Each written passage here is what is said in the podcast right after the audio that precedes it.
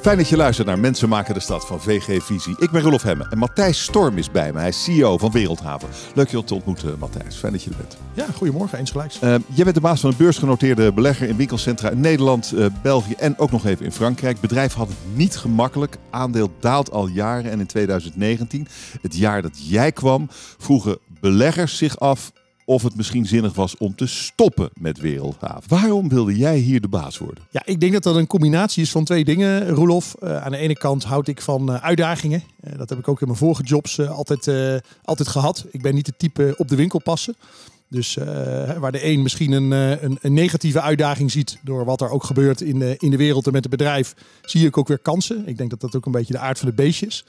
En aan de andere kant uh, heb ik natuurlijk wel altijd het vastgoed gevolgd als belegger en als analist in mijn vorige jobs.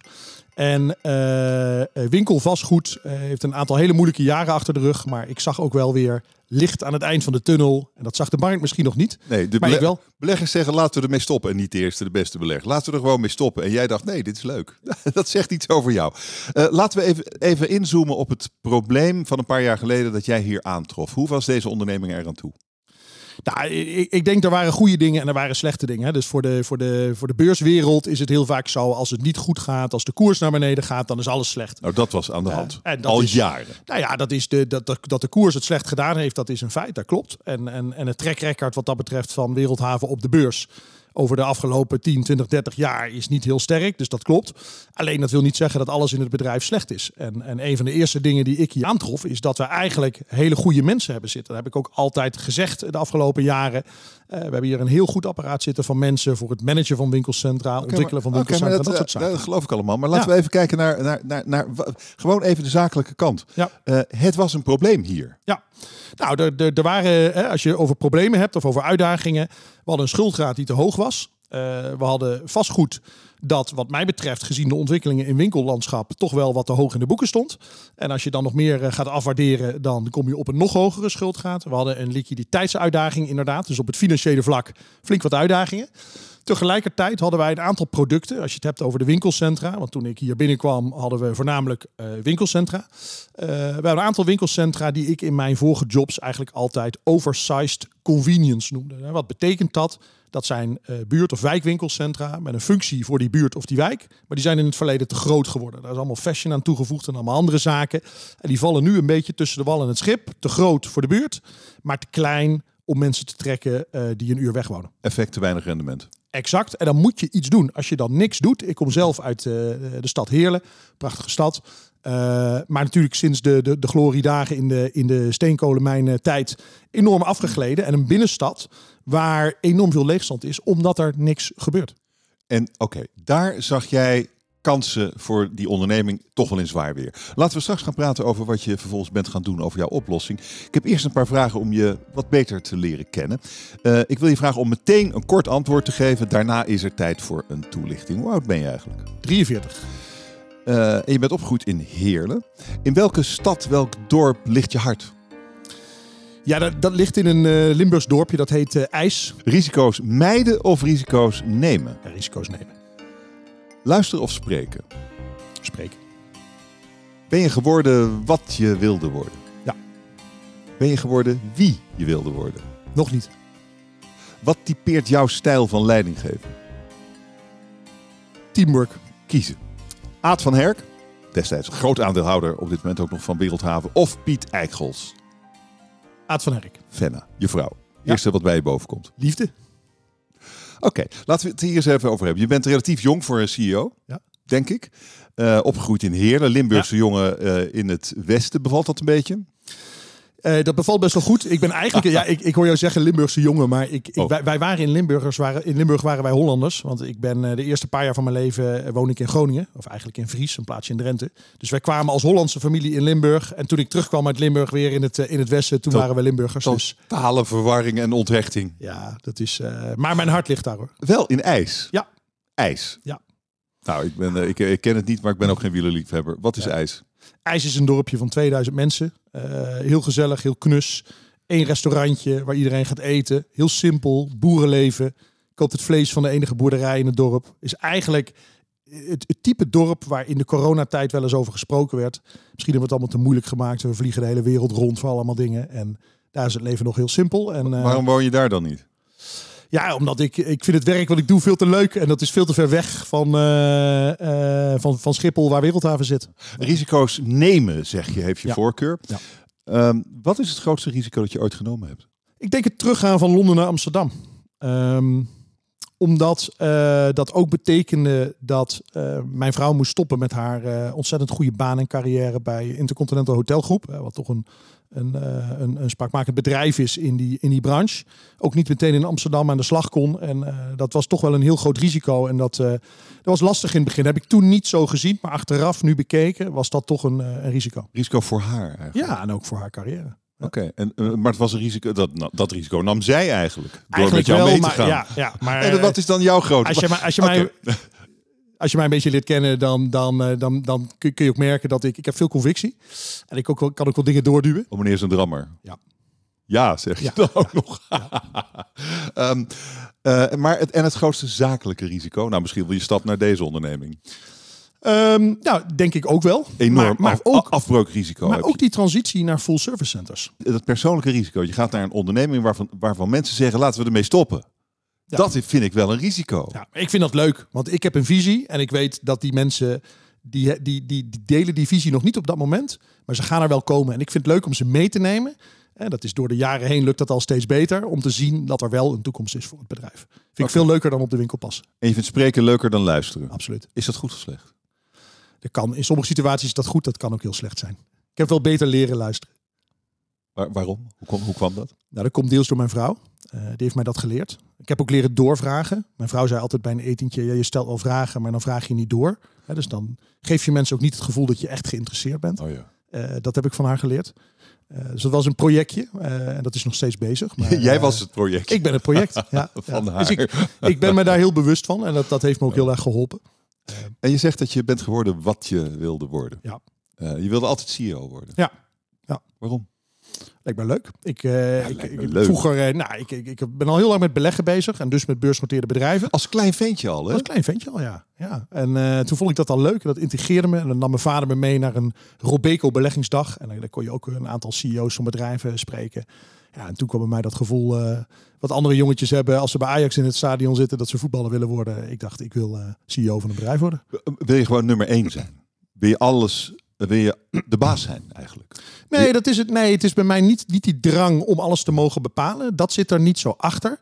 Maar ik heb een hele sterke visie. Eh, en, en, en ik geloof daarin. En, en dan vind ik het wel belangrijk dat ik die kan uitdragen. En dat ik wel in de positie ben ja, om, om mensen uiteindelijk mee te nemen en ook zo'n doel te bereiken. En dat is lastiger als je niet de baas van het bedrijf bent. Maar het is niet zo dat ik mijn energie haal uit het feit dat ik hier bepaal wat er gebeurt. Hè, wat het is, wel, het, wel is, is. het is wel, wel fijn als je dan toch een drammer bent. Ja. Om dan ook gewoon de baas te zijn, Dat toch? is wel waar. Dat is zeker zo. Ja. En, en dan zeg je, je bent nog niet geworden wie je wilde worden. Nee. Ook interessant. Ja. Nee, maar dat heeft ook met- meer met mij als persoon te maken. Ik denk in, in, in de jaren, beginjaren dat ik in de financiële wereld zat, was ik gewoon heel erg met mezelf bezig. Eh, in alles, hè, privé, zakelijk. Ik was gewoon heel erg op mezelf gefocust. En door mijn vrouw heb ik ook geleerd om eh, naar veel meer dingen te kijken dan alleen naar mezelf. En dat is ook absoluut noodzakelijk geweest om überhaupt deze rol te kunnen vervullen. Waarom, keek je Alleen- dan, waarom was je dan zo met jezelf bezheb als ik vraag? Ik wilde succes hebben in de financiële wereld. Eh, ik denk ook doordat ik bepaalde trauma's en dingen uit het verleden heb weggestopt. en daar niet over wilde praten. En als je dat doet, eh, dan eh, kom je jezelf vroeg of laat een keer tegen. Je kunt dan heel hard gaan werken. Dat doen heel veel, heel veel mensen in de financiële wereld, maar ook in de advocatuur, in mijn optiek en die ik spreek. Nu, nu ik er ook bewust van ben, hebben trauma's uit het verleden, als persoon of meegemaakt in het bedrijf, die ze weggestopt hebben. Ze gaan gewoon knetterhard werken, eh, ze gaan geld verdienen, ze gaan heel veel drinken vaak. En dat is niet de oplossing voor het probleem. Maar als je dat niet wil aanpakken, Ja, ja. dan kom je er niet. Oké, je, je persoonlijke trauma's zeg je. Eh, Ja. eh, Is het impertinent om te vragen welke dat in jouw geval zijn? Nou, Wil je ik- erover praten of, ander- of liever niet? We hoeven er niet. Ik wil er best eh, een klein beetje over praten. Kijk, in mijn geval, ik kom uit een gezin waar niet over gevoelens gepraat werd.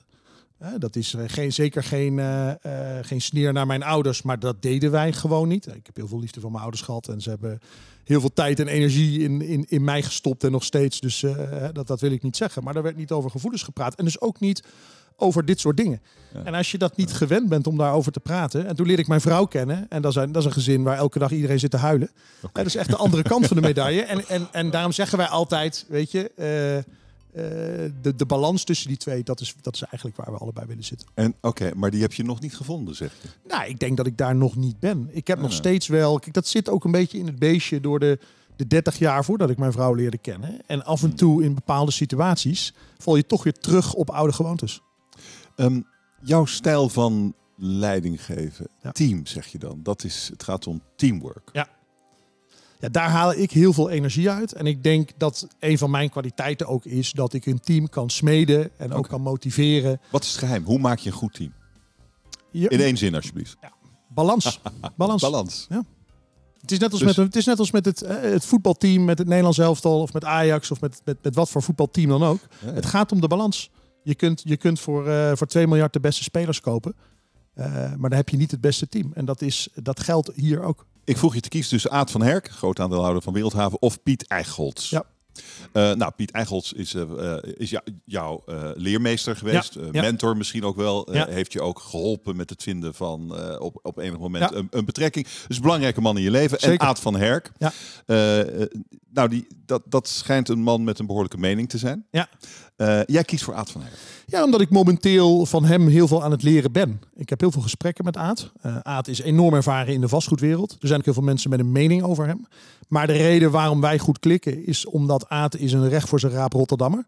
Die zegt wat hij vindt. Dat is niet altijd leuk, maar is wel, is wel eerlijk.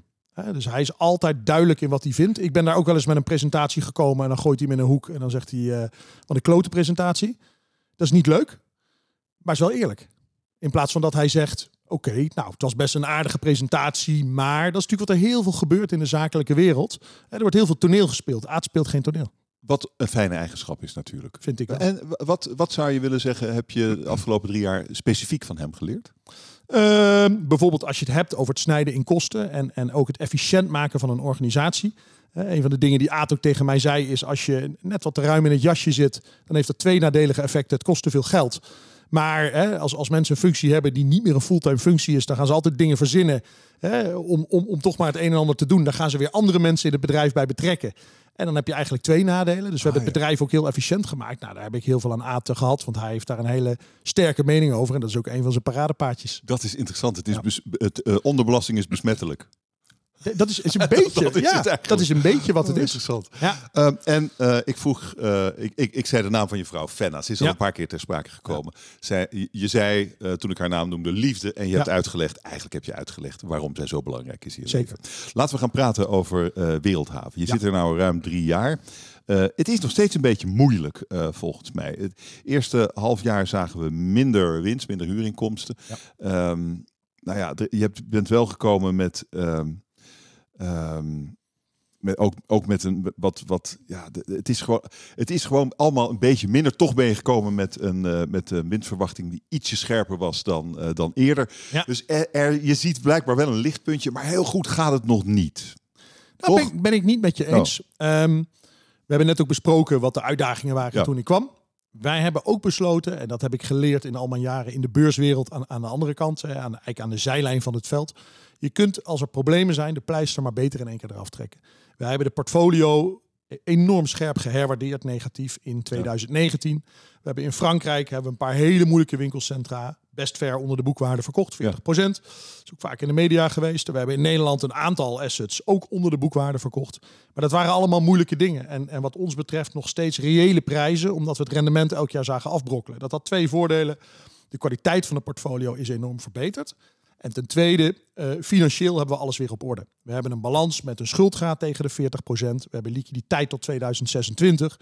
Dus op financieel vlak hebben het bedrijf eigenlijk gewoon heel sterk neergezet. En zeker met wat er nu gebeurt in de kapitaalmarkten, met de inflatie, met de rente, eh, wat, eh, wat je dagelijks leest in de krant, is dat heel prettig. Ehm, de reden dat de winst per aandeel nog daalt dit jaar, heeft alleen maar te maken met het feit dat we vorig jaar die Franse assets verkocht hebben. Volgend jaar gaan wij 4 tot 6 procent groeien. Dat heb ik altijd herhaald. Dat herhaal ik nog een keer. Dat gaan we makkelijk halen. En dat gaan we ook de jaren daarna halen. Dus we hebben gezegd, de komende vijf jaar is er 4 tot 6 procent per jaar winstgroei. Over een voorspelling die we al in 2019 hadden gedaan, pre-corona. En die, hebben we, die gaan we ook waarmaken. Dat, maar vanaf 23, hè? Klopt. Dat is volgende maand. Dat klopt. ja, ja. Ja. je, je zit eh, heel eh, over, is overtuigd vastgoed- aan te kijken. In vastgoed is het niet zo moeilijk, Roelof. Ik Nee? verbaas mij heel vaak over, over onze conculega's. Hoeveel moeite die hebben om voorspellingen te doen. Ik zou als belegger, en dat is dan een van de dingen die ik als belegger heb geleerd. Als het management zelf niet bereid is om te investeren. Of en of bereid is om een guidance te geven waar de winst naartoe gaat. Dan heb je dus geen controle over het bedrijf. Eh, Dan heb je het niet goed op orde. Dan heb jij niet scherp wat er allemaal gebeurt. Ik weet precies wanneer welke huurcontracten expireren. Dat hebben we hier allemaal in de systemen staan. We hebben hier ook de hele IT-infrastructuur. Heeft Dennis Tevreden, onze CFO met zijn team, helemaal omgebouwd. Er staat nu een hele goede infrastructuur. Wij weten exact wat er gebeurt. En dan kan het zijn dat een huur misschien op 118 euro uitkomt in plaats van 116. Maar over de hele breedte op heel veel huurcontracten per jaar maakt dat niet het grote verschil. Dus is, dit, vastgoed is een heel goed voorspelbare business. Oké, Ehm, laten we dan gaan kijken naar jouw oplossing van Ja. de problemen van Wereldhaven. Eh, de oplossing, de naam viel al, Full Service Centers. Ja. Wat is dat? Wat is dat anders dan een winkelcentrum? Wat eigenlijk de core business altijd was. Een full service center is een plek waar je veel meer doet dan alleen maar winkelen. Waar ik al heel lang niet meer in geloof, ook voordat ik naar Wereldhaven kwam, is het monotome winkelen. Dus het winkelen in winkelcentra is ontstaan in de jaren 70 in Frankrijk, in Amerika. eh, toen mensen auto's kregen. En mensen gingen in het autootje naar het winkelcentrum rijden, gingen daar een halve dag of een hele dag spenderen, kochten van alles en reden weer naar huis. Dat is monotoom winkelen. Dat was toen nieuw. Eh, want daarvoor kon je alleen nog maar in de buurt bij het buurtwinkeltje. en Weet ik allemaal wat eh, op pad gaan. Nou, dat is heel erg aan het veranderen. Mensen zijn veel minder bereid om dusdanig ver te rijden om naar het winkelcentrum te gaan. hè. Dat, is, eh, dat heeft te maken met mo- mobiliteitsvraagstukken. Dat heeft ook te maken met Hmm. duurzaamheid. Het ontmoedigen van auto's door de overheid. Wat denk ik een hele goede, goede zaak is, ook voor het milieu.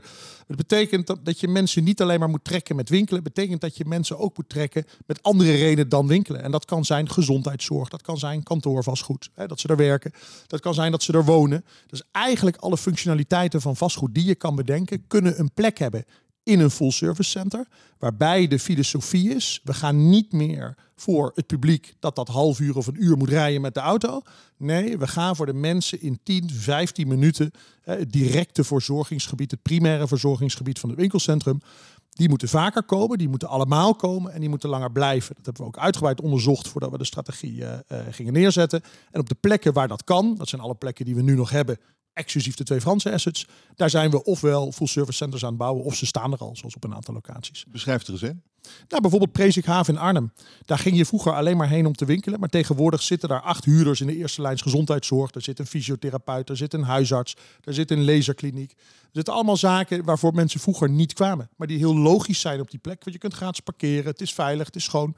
Er zit een basic fit in, er zit een versstraat in. We hebben een service daar geïntroduceerd, The Point. Ehm, wat een combinatie is van een locatie waar eh, eh, kansarme jongeren uit de buurt weer aan het werk geholpen worden. Eh, dat, vind ik, dat vinden wij ook belangrijk. Daar spenderen we ook geld aan. Dat is ook een reden voor mensen om te komen. Maar waar mensen ook allerlei services kunnen krijgen. Zoals oudere mensen kunnen daar een rollator krijgen of een iPhone charger, al dat soort zaken. Dus je kunt er pakketjes halen en brengen. En zo kan ik nog wel even doorgaan. En- het en- is veel meer dan alleen maar dat winkelen. En wat levert dat op? Laten we kijken naar Presikhaven. Ja. Wat, levert dat op? Dat levert voorlopig op dat de, de, de passantenstroom is 18% hoger dan in 2019. Wat natuurlijk gigantisch is. Want neem maar eens het gemiddelde winkelcentrum in Europa. Dat zit 10% onder 2019. Eh, Dat om te beginnen. En dat is wat wij verkopen. Als je kijkt naar de huurinkomsten. Die zijn van 3,4 naar 4,8 miljoen gegaan in Presikhaaf. Nou, eh, op dezelfde oppervlakte van de meters. Dat is ook een enorme toename. De waardering van het winkelcentrum is omhoog gegaan. Door aan de ene kant hogere huur. En aan de andere kant een, lager, een lagere yield. Een lagere cap rate. Want de taxateur zegt ja het is nu weer een goed ding, dus het risico is lager. Dus ik zet die cap rate weer wat lager. Dus op financieel vlak is Prezik Havens absoluut een groot succes. Ook Tournelle Bastion in Doornik in België, ons tweede full service center, is dat ook. Ja, nu is de kunst. We hebben net Tilburg opgeleverd, 100% verhuurd. Eh, Sterrenburg en Kortrijk zullen nagenoeg 100% verhuurd opgeleverd worden in Q4. Nu is aan onze taak om ja, dat, dat te, te, te laten zien. Die mooie cijfers van Prezik Haven moeten we ook op andere plekken laten zien. Eh, ja, en dat is voorwaardelijk voor het bereiken van die 4 tot 6 procent eh, winst in het komende jaar. Dat zit daar in ons hoofd. Ja, inderdaad. Wij Ja, gaan toch? ervan uit dat, dat die full service centers dat die verhuurd zijn bij oplevering. Maar dit is, dit is alles verliezen of alles winnen. Toch? Nou, dat is Als niet- het om die 4 tot 6 gaat. Nee, is niet alles, want in de 4 tot 6, hè, winstgroei is niet alleen maar de groei van de huurinkomsten door het opleveren van full service centers, maar dat is ook het verder snijden in de kosten, hè, waar we al langer mee bezig zijn. En dat is ook een betere financiering, wat lager in de P&L. Maar inderdaad, Hmm. de, de, de belangrijkste component is het slagen van de strategie. Dus ehm, huurders, eh, huurders zijn het met je eens. Tot nu toe. Ehm. Terwijl ze wel een beetje hu- meer huur moeten betalen. En terwijl dat eh, alleen maar zal blijven stijgen zolang we die inflatie hebben. Want je berekent alles 100% door. Ja. Hoe lang blijven huurders daar gelukkig van? Ehm, ik denk de huurders die wij op die plek willen hebben, die blijven daar heel lang gelukkig van. Want daar zien we ook de omzetten stijgen. Kijk, uiteindelijk moet dat full service center gaan leiden tot hogere omzetten voor de retailers. Eh, en dan met name voor de retailers die er al zaten. Want zoals ik net al zei, er komen ook een heleboel nieuwe retailers. Ja, met een, met, met, met een tandartsenpraktijk of met een huisarts steken we een 10 of 20 jaar huurcontract. En dat is verder niet zo heel spannend. Hè? Dus daar, daar geldt jouw vraag eigenlijk niet voor. Maar jouw vraag geldt voor een kruidvat Ja, die er al zat. Ja. En die nu een betere business gaat doen. Ja, die, dat, dat moet door een, een stijgende omzet moet dat goed gemaakt worden. Nou, tot nu toe zien we dat ook gebeuren. Mocht het zo zijn dat in de loop van de tijd wij zien dat er toch nog bepaalde huurders zijn waarvoor dat niet geldt, dan gaan we die weer vervangen. Maar wij hebben altijd gezegd dat onze strategie is niet alleen maar het toevoegen van functies, het is ook het right-sizen van de retail. Als jij op een plek, weer even terug naar het begin, dat oversized convenience center, als je te veel winkelmeters hebt, hè, Heerlen, waar ik vandaan kom, dan is vraag-aanbod zo in disbalans dat, het al, dat, dat de huurprijs altijd zal blijven dalen. Want je kunt altijd naar een ander pandje voor een lagere prijs. Ja, prijs. ja, ja, ja. Wij controleren gebieden, want dat zijn winkelcentra. Als wij ervoor zorgen dat er veel minder traditionele winkels zijn, dat is wat we doen, dan is het niet zo erg als een kruidvat of iemand anders een keer besluit, ja god, ik zie het toch niet helemaal, ik ga hier weg. Dan vinden we ook wel iemand anders die op die prijs wil huren. En dat was nooit gelukt als wij Presikhaaf 32.000 vierkante meter traditionele winkels hadden gelaten. Dan lukt dat niet. Matthijs, wat, zou er, wat, wat, wat, is er zo, wat is het moeilijkste aan het, aan het uitvoeren van dat concept van full service center? Wat is daar, wat is daar essentieel in? Ja, het is essentieel om alle stakeholders, hè, jij stelde ook al de vraag, heel goed uit te leggen wat is het. Maar nog essentiëler is dat het straks ook bij het DNA van onze mensen, dat dat erin zit. Dat zij niet alleen maar het kunnen uitleggen op een papiertje, maar dat dat in alles gaat blijken. We zijn nu heel druk bezig bijvoorbeeld met een programma voor operational excellence in de, in de full service centers. Dat als jij als consument daar binnenkomt in Presikhaaf, niet alleen maar al die winkels en al die andere functionaliteiten ziet die ik net benoemd heb, maar dat jij ook het gevoel hebt met de service die je krijgt in de point of van de asset manager, dat het hele plaatje klopt, dat de hele beleving klopt. Maar wat heb jij daarover te zeggen? Nou, ik heb daar uiteindelijk heel veel over te zeggen, want dat is onderdeel van de strategie. Dus ik moet ervoor zorgen met mijn team dat dat gebeurt. Ja, maar er staat een prutser in een winkel. Wat heb je daarover te zeggen? Dat is altijd lastig. Hè? Het personeel in toch? de winkel. Ja. dat, dat, dat is altijd een uitdaging. Maar wij doen ook dingen om me- met de retailers te engagen. Wij doen bijvoorbeeld mystery shopping eh, onderzoeken in al onze centra.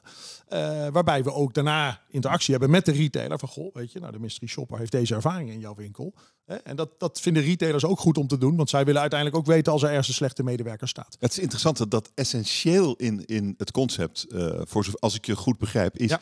toch dat je er meer mensen naartoe krijgt. En hoe krijg je er meer mensen naartoe als ze allemaal gelukkig weer weggaan en het tegen iedereen vertellen en nog een keer komen. Exact. Dat is, maar dat is wel waar je dus relatief weinig invloed op hebt. Want jij gaat niet over wat die winkelmanager eh, doet en wat, wat de, de, het personeel achter de balie doet. Daar zit natuurlijk wel een probleempje. Daar, daar zit, nou, dat is geen probleem. Dat kun je indirect Uitdaging. I- daar zit een uitdaging. Dat kun je indirect kun je dat beïnvloeden, maar dat kost tijd. Oh ja. Maar uiteindelijk hebben wij natuurlijk wel de controle wie er huurt daar. Hè? Dus als Ah, een winkel eh, tien jaar lang of vijf jaar lang eh, dit soort problemen heeft en zorgt voor een negatieve impact op wat wij noemen de NPS-score, de Net Promoter Score. Dat is eigenlijk Ja, ja. Hè, een, een, een mooie KPI voor wat jij net omschreef. Hoe, hoe gelukkig zijn mensen nou? Hè? Bevelen ze het aan aan een ander? Ja, dan kunnen wij wel besluiten. Zeggen, goh, weet je, eh, we zetten die op een andere plek of een kleinere winkel of een andere huurder. En dus uiteindelijk kunnen we er wat aan doen, alleen het duurt langer. Je hebt geen 10 of 15 jaar. Je moet volgend jaar leveren, toch? ik moet volgend jaar leveren. Ja, maar dus- het is natuurlijk ook niet zo dat in Presikhaaf van de 80 huurders er de 80 dit Nee, soort nee. problemen hebben. Ehm, kan, kan, kan, dit nog, kan dit nog misgaan eigenlijk? Nee, in jouw wereld niet.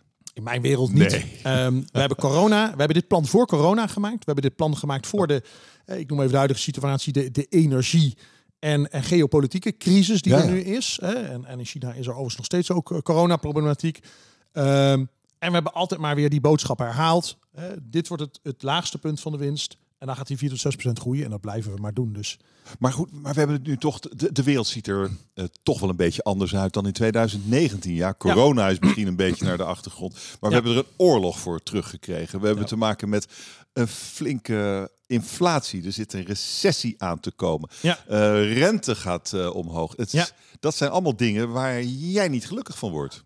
Daar wordt niemand gelukkig van, denk ik, uh, Roelof. Alleen wat daardoor cru daarbij cruciaal is in de, in de retailwereld, is dat wij die strategie juist blijven uitrollen. Waarom? De traditionele retail die we houden, dat is met name de, de, de, het gemak. Hè? Dus wat, wat de Engelsen noemen convenience. Dat is de supermarkt, dat is de drogisterij.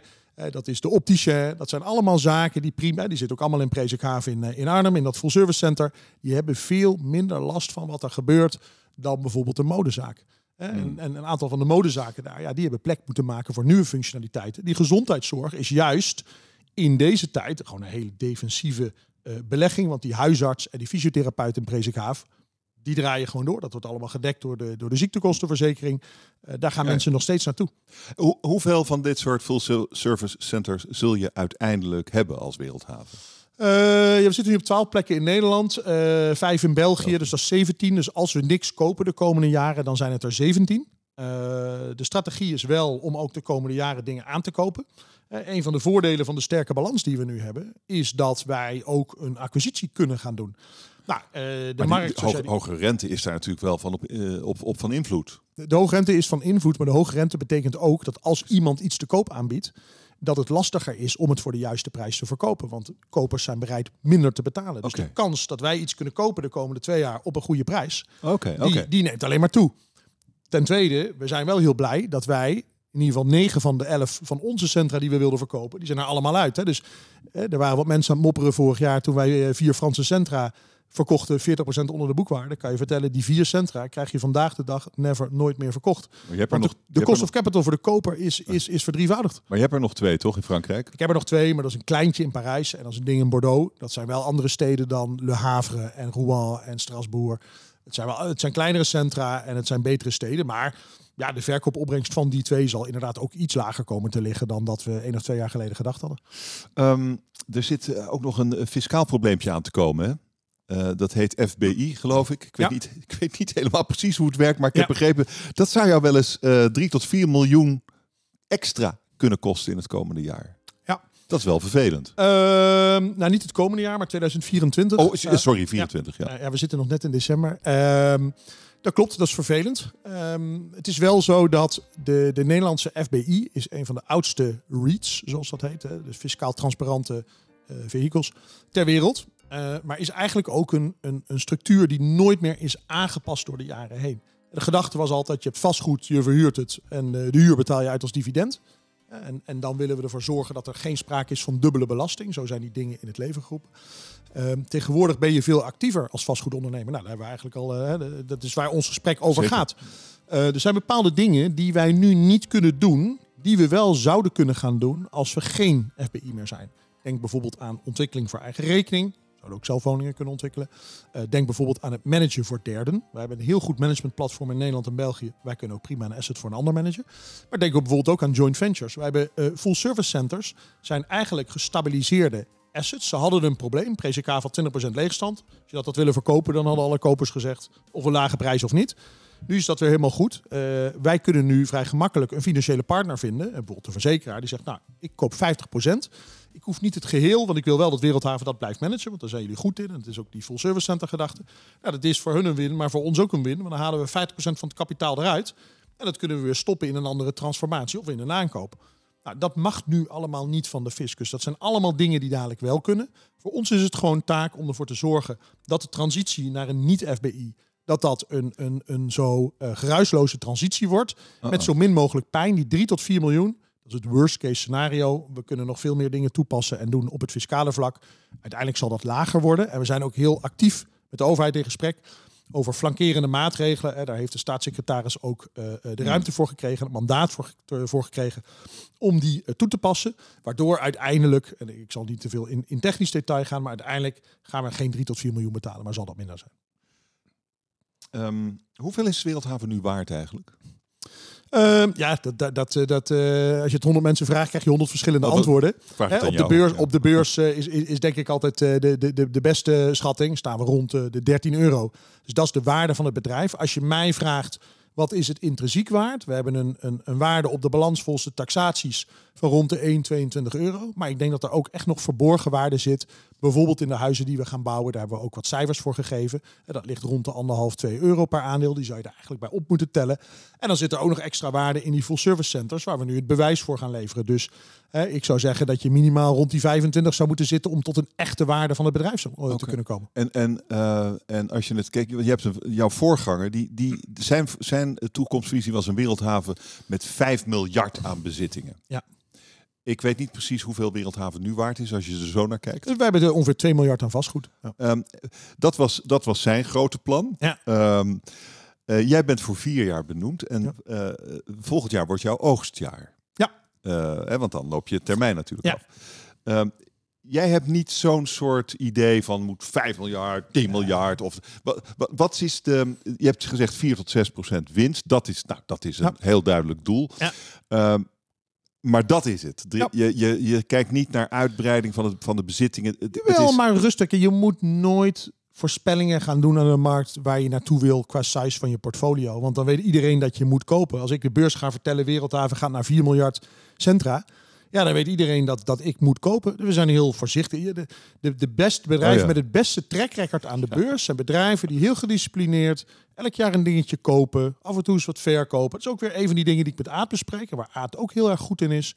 Dat is de discipline. En dat is misschien niet zo spannend als dingen roepen van wij gaan naar 10 miljard en we worden de grootste en dat Ja. soort dingen. Maar je hebt ook gezien bij Wereldhaven in het verleden, dat is al vaker gebeurd, eh, dat leidt toch tot waardevernietiging. Dan gaat het te hard, dan overspeel je je hand. We hebben eh, niet het beste track record van alle beursfondsen. We hebben orde op zaken gesteld. We hebben een goede strategie, we hebben een leuk team. Gaan we rustig uitbouwen. En als we iets kunnen kopen, laten we de kans zeker niet liggen. Als we niks kopen, is het ook prima. Dat was niet zo handig van Anbeek dus eigenlijk. Nee, Nou, nou, ik, je moet ik wil je niet, ik wil niet oordelen over, over. Ik denk dat eh, het vorige management ook heel veel goede dingen gedaan heeft. Zoals ik al zei. Eh, Hmm. het, het, eh, het apparaat, de mensen die er zaten toen ik kwam, was een heel sterk team. Dat hebben zij voornamelijk gebouwd. Dus en het is ook makkelijker oordelen nu. Ik denk bijvoorbeeld zo'n Franse acquisitie met, met de bril van toen was heel goed te verdedigen. Alleen, ja goed, de tijden zijn ook veranderd. Ga, ga, jij nog door? Ja, het is wel, eh, het is wel mijn Met- intentie om, eh, om door te gaan. Volgend jaar ben je nog niet klaar natuurlijk. Nee, nee, we zijn halverwege. Ook hè, eh, misschien wel letterlijk in mijn termijnen. Dus Mm. nog een keer vier jaar lijkt mij hartstikke leuk. Uiteindelijk is het aan de aandeelhouders om dat te bepalen, niet aan mij. En, Maar, en, eh, en, en, en wanneer, wanneer denk jij dan dat je klaar bent? Hè? Je vertelt aan het begin van ons gesprek, ik ben niet de man om, uh, om op de winkel te Nee, passen. dus over vier jaar eh, zou misschien zo'n moment kunnen zijn dan, hè, dan als je kijkt naar, we hebben hier eh, iemand intern die dat allemaal heel mooi bijhoudt met allemaal mooie eh, grafieken en dingen van goh, wanneer, eh, wanneer heb je dan eh, die, die 17 eh, centers af? Ja, over, over een dikke vier jaar zijn ze vrijwel allemaal klaar. Ik geloof dat er eentje is die dan nog eh, wat laatste staartjes en dingetjes heeft, maar dan zijn we er wel. Ja, dat zou een moment kunnen zijn.